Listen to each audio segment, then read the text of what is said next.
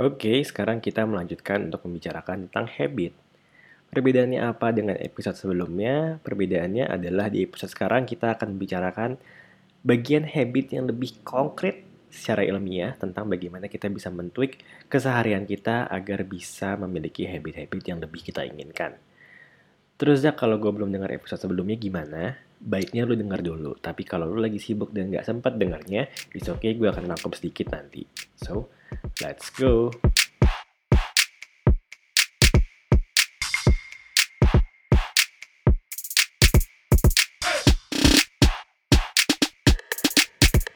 Inti dari episode sebelumnya adalah begini. Dalam membentuk habit yang sustain, kita perlu mulai dari identitas kita dulu kita tentukan dulu kita ingin menjadi orang yang seperti apa. Setelah itu, kita buktikan dengan perilaku-perilaku yang sejalan dengan identitas tersebut, sehingga akhirnya identitasnya makin kuat, lalu dengan identitasnya makin kuat, perilakunya menjadi lebih konsisten, dan in the end, barulah habit yang terbentuk. Nah, hal ini kan sederhana secara teoritis ya. Namun secara praktikalnya tidak sesederhana itu. Ada ada langkah yang juga perlu kita punya agar setelah kita udah menentukan identitasnya, gimana caranya kita bisa membuktikan ke diri sendiri untuk melakukan perilaku itu? Apa yang bisa kita lakukan? Misalkan gue udah memutuskan, oke okay, gue mau jadi orang sehat. Nah gimana caranya abis gue memutuskan itu, terus gue bisa konsisten olahraga, jaga makan, dan lain-lain. Kebanyakan orang akan berargumen bahwa untuk itu kita butuh willpower yang tinggi.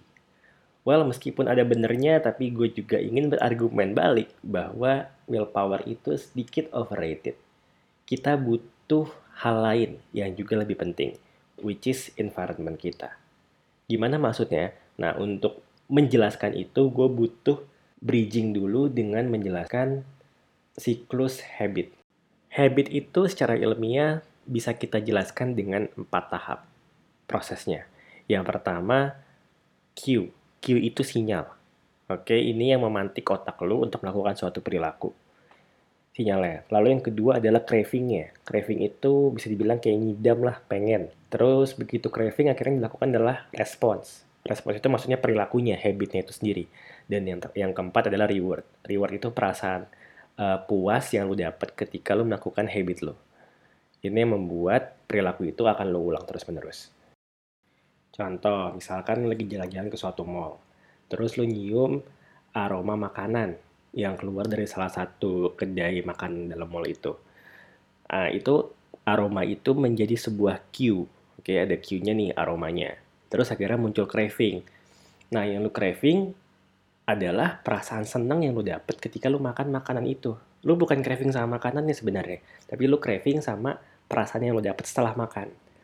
Nah, karena craving itu muncul, akhirnya responsnya lu beli. Lu beli makanannya, terus lu makan. Nah, rewardnya adalah perasaan senang. Nah, karena ini akhirnya otak lu nge-save. Oke, okay, next time begitu lu dapet cue aroma makanan itu, lu beli. Responsnya adalah beli dan makan.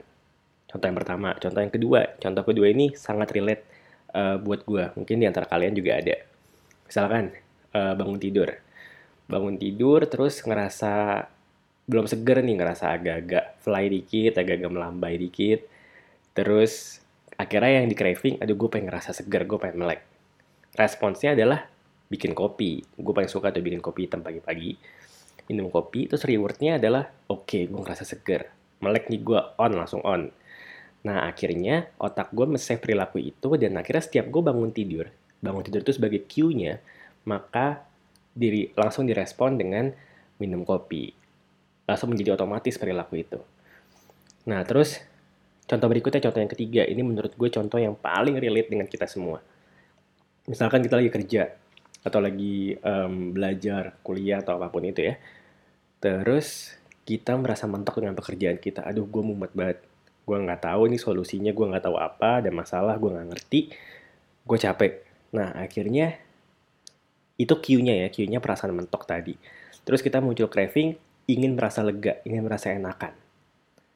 Responsnya apa? Pas banget ada HP di meja lu. Lu ambil HP lu lu buka sosial media, lu lihat foto-foto gambar-gambar menarik, terus tiba-tiba craving lu terpenuhi, dapat rewardnya.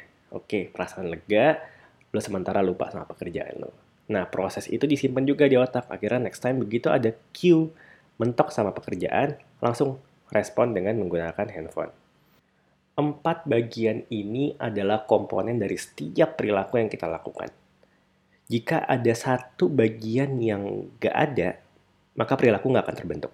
Maka habit nggak akan terbentuk. Kalau misalkan nggak ada cue-nya, maka otak kita nggak akan notice akan potensi rewardnya. Kalau nggak ada cravingnya, maka kita nggak akan pengen ngelakuinnya. Terus kalau misalkan responsnya atau aktivitasnya itu nggak bisa kita lakukan, maka nggak mungkin kita lakuin. Misalkan lu udah craving makanan tapi antriannya panjang banget dan lu lagi buru-buru, lu nggak mungkin ngantri, akhirnya nggak lu lakukan kan gitu. Dan kalau reward yang nggak satisfying, maka perilaku itu juga nggak akan lo ulang. Sehingga singkatnya gini, tiga tahap pertama menentukan apakah kita akan melakukan perilaku itu atau tidak, dan tahap keempat menentukan apakah akan kita ulang dan menjadi habit atau tidak. Dengan pemahaman ini, James Clear menawarkan strategi gokil menurut gue dalam bagaimana kita bisa mentweak keseharian kita agar lebih cocok ya lebih cocok lebih mudah untuk melakukan habit yang kita pengen dan meninggalkan habit yang tidak ingin kita pengen. Tidak ingin kita pengen. Aduh bahasa gue kagak efektif banget bodo amat. James Clear menyebutnya sebagai the four principles underlying idenya adalah be the architect of your environment jadilah arsitek dari lingkungan lo Oke, okay, the four principles. Kita mulai ya. Yang pertama, yang pertama adalah make it obvious. Karena kita ngomongin Q, maka buatlah habit-habit yang ingin lo punya, Q-nya menjadi se-obvious mungkin. Contohnya, kalau misalkan lo pengen punya habit untuk minum air lebih banyak, maka taruhlah botol-botol minum air putih di banyak tempat di rumah lo di kamar lo ada, di ruang kerja ada, di depan TV ada, di dapur ada, di mana-mana ada. Sehingga itu menjadi cue-nya. Oke, kalau gue lihat botol minum, gue minum air. Bikin cue-nya se-obvious mungkin. Begitupun sebaliknya. Kalau misalkan ada habit-habit yang nggak pengen lu punya, maka buatlah cue-nya menjadi kebalikannya invisible. Menjadi nggak terlihat, atau setidaknya susah dilihat. Contoh, ini biasanya lebaran gini nih cukup cukup menantang nih ya. Misalkan uh, di rumah gue juga gila banyak banget kue macam-macam susah banget ditahannya. Nah bagaimana caranya? Buatlah kue-kue itu makanan-makanan yang misalkan nggak pengen lu makan karena misalkan nggak sehat sulit lu lihat jauh dari pandangan lu. Gitu. Mungkin kalau lu sembunyiin sekarang keluarga lu bakal marah kali ya. At least setidaknya sulit lu lihat. Itu aja. Atau kalau misalkan lu tahu di daerah situ banyak makanan lu jangan ke situ terus cara lain untuk menjadi obvious adalah kalau lo mau melakukan suatu rencana, lo mengagendakan melakukan habit baru, bikinlah sespesifik mungkin. Harus jelas tempat dan waktunya di mana. Misalnya, gue mau olahraga jam 8 pagi di kamar gue. Gue mau belajar jam 9 pagi di ruang kerja. Gue mau meditasi jam 8.30 di tempat tidur gue. Be very specific. Jadi otak lo udah gak ada alasan ketika muncul jam segitu, dan di tempat itu dia langsung tahu oke okay, ini adalah cue untuk melakukan sesuatu. Oke, okay, sekarang kita masuk ke prinsip kedua, yaitu adalah make it attractive. Ini berhubungan dengan craving dan ini penting banget. Kenapa gue bisa bilang ini penting banget? Karena coba lo ingat um, waktu lo masih kecil. Misalkan ini lagi malam-malam dan besok lo mau jalan-jalan. Biasanya pas malam-malam membayangkan jalan-jalannya itu lebih seru dibanding jalan-jalannya sendiri. Gitu cravingnya dan perasaan semangatnya itu lebih lebih exciting dibanding jalan-jalannya sendiri. Kenapa? Karena jalan-jalan itu sangat atraktif buat lo. Nah, sekarang yang perlu kita lakukan adalah membuat perilaku-perilaku kita menjadi lebih atraktif. Yang ingin kita lakukan.